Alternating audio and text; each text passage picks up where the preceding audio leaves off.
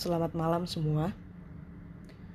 Hari ini saya akan membacakan sebuah cerita, atau mungkin lebih tepatnya ini adalah sebuah kisah tentang seorang manusia yang memiliki nama Lara. Ingat, ini bukanlah sebuah cerita pendek. Meski tak apa, kalian saat mendengarnya akan menganggap seperti itu. Tapi ingat juga, ini bukanlah sebuah puisi. Meski tak apa juga, kalian menganggapnya sebagai sebuah puisi saat mendengarnya sekarang. Baik, kalau gitu saya akan memulainya sekarang. Mari dengarkan kisah Lara ini dengan menggunakan headset, headphone, ataupun penyumbat telinga yang kalian punyai di rumah. Kalau tidak mempunyainya, itu juga bukan masalah. Tapi setidaknya suasana di sekitarmu, saya harap saat ini harus sedang dalam kondisi tenang, agar suara saya bisa terdengar lebih jelas. Jadi, selamat mendengarkan.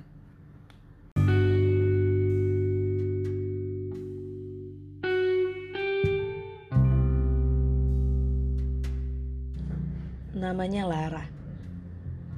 Sudah aku katakan, namanya Lara. Dia adalah seorang manusia yang sudah lama berada di muka bumi ini, yang sudah lama juga berjalan seorang diri di dunia yang menurutnya penuh dengan kegelapan ini.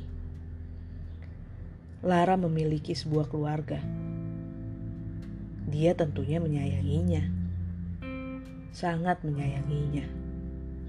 Bagi Lara, keluarga adalah satu-satunya tempat di mana dia bisa menunjukkan dirinya yang sebenarnya. Hanya saja, itu yang ia pikirkan saat tidak terlalu mengerti bagaimana dunia bekerja di sekelilingnya. Di mana saat usia Lara sudah bisa dibilang tidak kecil lagi, Lara akhirnya mengerti akan satu hal bahwa ternyata keluarga yang ia anggap adalah orang terdekatnya itu justru yang menjadi orang pertama yang memperkenalkannya pada rasa sakit yang tidak bisa Lara jelaskan sama sekali. Tentu, pada saat itu Lara menangis. Dia kebingungan. Dia takut dan merasa dunia di sekitarnya terasa begitu dingin. Namun, tangisnya harus berlangsung sementara. Ketika orang terdekatnya mengatakan, "Tuhan saja Maha memaafkan. Masa kamu manusia tidak ingin memaafkan satu kesalahan kecil?" Pada saat itu, Lara akhirnya semakin yakin bahwa mereka yang selama ini Lara anggap sebagai orang terdekatnya harus berganti menjadi seseorang yang tidak Lara kenal. Tawa lepasnya saat kecil dulu bersama mereka sudah tidak bisa lagi ditunjukkan oleh Lara sepenuhnya. Semuanya menghilang, baik tawa, baik senyum, dan baik keramahan yang ia pelajari, semua menghilang. Ketika rasa sakitnya dianggap sepele oleh mereka yang sudah dianggap Lara sebagai orang terdekatnya. Lara pun akhirnya memutuskan untuk keluar dari lingkaran keluarga yang ia anggap orang terdekat sekaligus rumah baginya dulu. Dia berkelana seorang diri, menyibukkan diri, mencoba melupakan rasa sakit yang masih ada bekasnya di dalam dadanya. Sampai pada akhirnya Lara bertemu dengan mereka yang lain di luar sana. Bukan sebuah keluarga, tetapi Lara menyebutnya sebagai teman. Lara akhirnya kembali tertawa. Senyumnya yang sempat hilang kembali ada. Bahkan hangat yang ia rindukan dari dunia ini kembali ia rasakan. Semua yang sempat hilang kembali Lara temukan ketika bersama dengan temannya. Bahkan Lara beranggapan bahwa ternyata rumah yang ia cari sudah kembali padanya. Tetapi itu hanya sementara. Lara harus kembali merasakan rasa sakit itu. Lara kembali terluka. Bekas luka yang hampir sembuh di dalam dadanya kembali terbuka lebar. Akibat mereka yang dianggap Lara adalah teman, justru mengkhianatinya dengan omong kosong yang sama sekali tidak Lara lakukan. Lara dikhianati. Lara dijauhkan. Lara pun kembali menangis seorang diri. Tidak ada yang mengetahuinya dan tidak ada juga yang peduli soal itu. Kalaupun satu di antara mereka ada yang melihat Lara menangis, pasti yang keluar dari mulut mereka hanya sebuah pertanyaan. Yang bila sudah dijawab oleh Lara, mereka akan menyebarkannya ke yang lain dan meninggalkan Lara seorang diri menganggap Lara adalah orang yang aneh. Tidak seperti sebelumnya. Kali ini butuh waktu lama bagi Lara untuk bangkit. Setelah rasa sakit yang ada di dadanya kembali terasa. Berusaha Lara kembali menyibukkan diri. Berusaha Lara mengalihkan rasa sakitnya dengan hal lain yang belum pernah ia cobai dan berusaha, Lara melupakan rasa sakit yang sebenarnya tidak harus ia lupakan itu. Sampai pada akhirnya, Lara kembali bertemu dengan seseorang.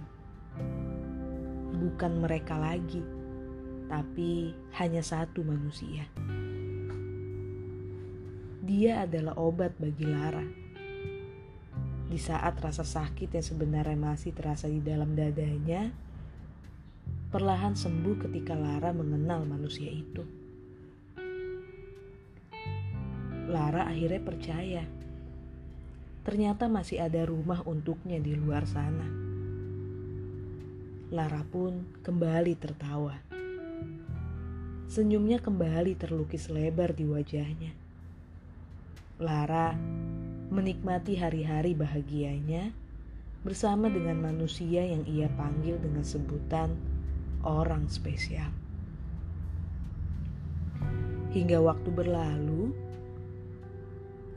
akhirnya Lara lagi-lagi merasakan kembali rasa sakit itu. Ketika orang spesial yang dia anggap adalah rumah terakhirnya itu berubah menjadi menyeramkan memperlakukan Lara dengan seenaknya. Setelah ungkapan cinta yang ia katakan kepada Lara, ia dengan seenaknya berlaku kasar pada Lara. Lara pun menjadi takut. Ia ingin lari, tetapi tidak bisa ia lakukan. Lara akhirnya bersembunyi menangis kembali dalam diamnya agar orang spesial yang menyatakan cinta padanya itu tidak menemui keberadaannya. Lara akhirnya berhasil kabur dari belenggu orang spesial itu. Tetapi rasa sakit yang ada di dalam dadanya justru semakin terasa parah. Yang membuat Lara hanya bisa berlari tanpa tujuan membuatnya hanya bisa menangis hingga air mata di kedua matanya mengering. Dan membuat Lara selalu nampak dingin ketika dilihat oleh seorang manusia lainnya. Lara tidak tahu apa yang harus dilakukannya sekarang. Lara juga tidak tahu bagaimana kelanjutan hidupnya nanti. Ketika dia tidak memiliki rumah untuk pulang. Lara pun akhirnya mengambil keputusan yang begitu gegabah. Di mana ia berdiri di sebuah jembatan layang berniat untuk meloncat mengakhiri hidupnya.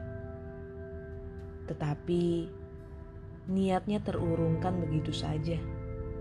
ketika tanpa sengaja Lara melihat ada seorang manusia yang duduk di jembatan layang persis di sebelahnya tempat ia berdiri. Manusia itu hanya melihat Lara, tersenyum.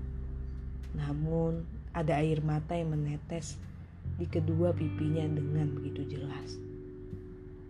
Sedang apa kamu di sini? Tanya Lara. Sedang duduk menemanimu. Jawab manusia itu, masih dengan senyum dan air mata yang masih menetes membahasai kedua pipinya. Menemaniku? Untuk apa kamu menemaniku? aku menemanimu untuk kamu biar nggak loncat ke bawah sana. Memangnya apa pedulimu bila aku loncat ke bawah sana? Ya tentu aku peduli. Karena bila kamu loncat ke bawah sana, rasa sakit yang akan kamu rasakan mungkin dua atau tiga kali lipat dengan rasa sakit yang ada di hatimu saat ini. Tahu dari mana kamu soal itu? Menurutku, rasa sakit yang ada di hatiku sepertinya lebih terasa menyakitkan daripada aku loncat ke bawah sana. Atau lagian, kalaupun aku loncat ke bawah sana, rasa sakit itu juga gak akan aku rasakan lagi. Ah iya, kamu benar. Tapi kalau kamu benar-benar loncat ke bawah sana, kamu pasti akan menyesalinya nanti. Menyesali? Apa yang harus aku sesali? Ketika aku tidak lagi memiliki sebuah rumah untuk pulang, dan tidak ada lagi hal yang bisa membuatku bahagia di dunia ini. Semuanya hanya soal rasa sakit. Jadi untuk apa aku bertahan? Atau lagian aku juga sudah tidak sanggup untuk menahan rasa sakit ini lagi.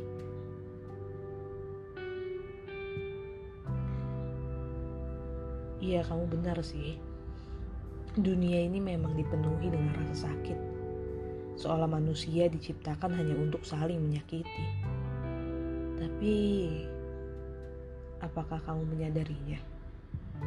Bahwa rumah yang kamu maksud bukan hanya tentang seorang manusia loh atau sebuah bangunan, bagiku rumah yang kamu maksud bisa bisa saja adalah tentang dirimu sendiri, tentang kamu yang bisa melewati dan berdamai dengan semua yang sudah pernah membuat luka di dalam dadamu saat ini.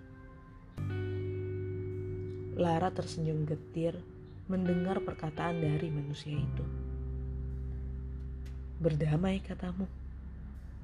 Bagaimana bisa aku berdamai dengan diriku sendiri ketika manusia-manusia itu yang menyakitiku tidak menyadarinya telah menyakitiku? Bahkan mereka sama sekali tidak bisa menghargai perasaanku, sama sekali tidak bisa mengerti diriku yang sedang terluka hingga sangat sakit seperti sekarang ini.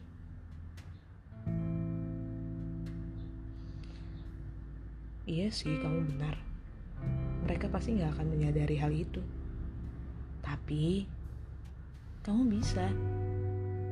Kamu bisa berdamai dengan diri kamu sendiri.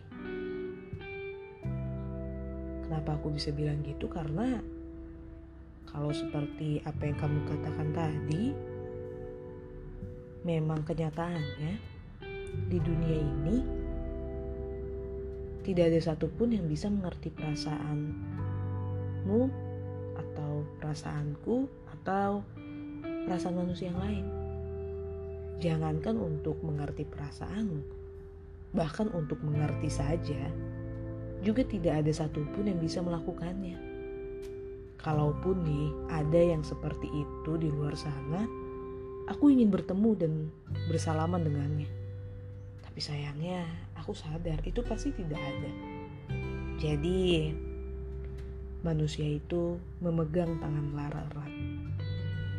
Daripada kamu loncat ke bawah sana dan membuktikan mereka yang sudah benar menyakitimu adalah manusia yang baik menurut mereka, bukankah lebih baik kamu berdamai dengan dirimu sendiri sekarang? Coba untuk maafkan. Bukan untuk mereka. Kamu melakukan itu untuk diri kamu sendiri tentunya.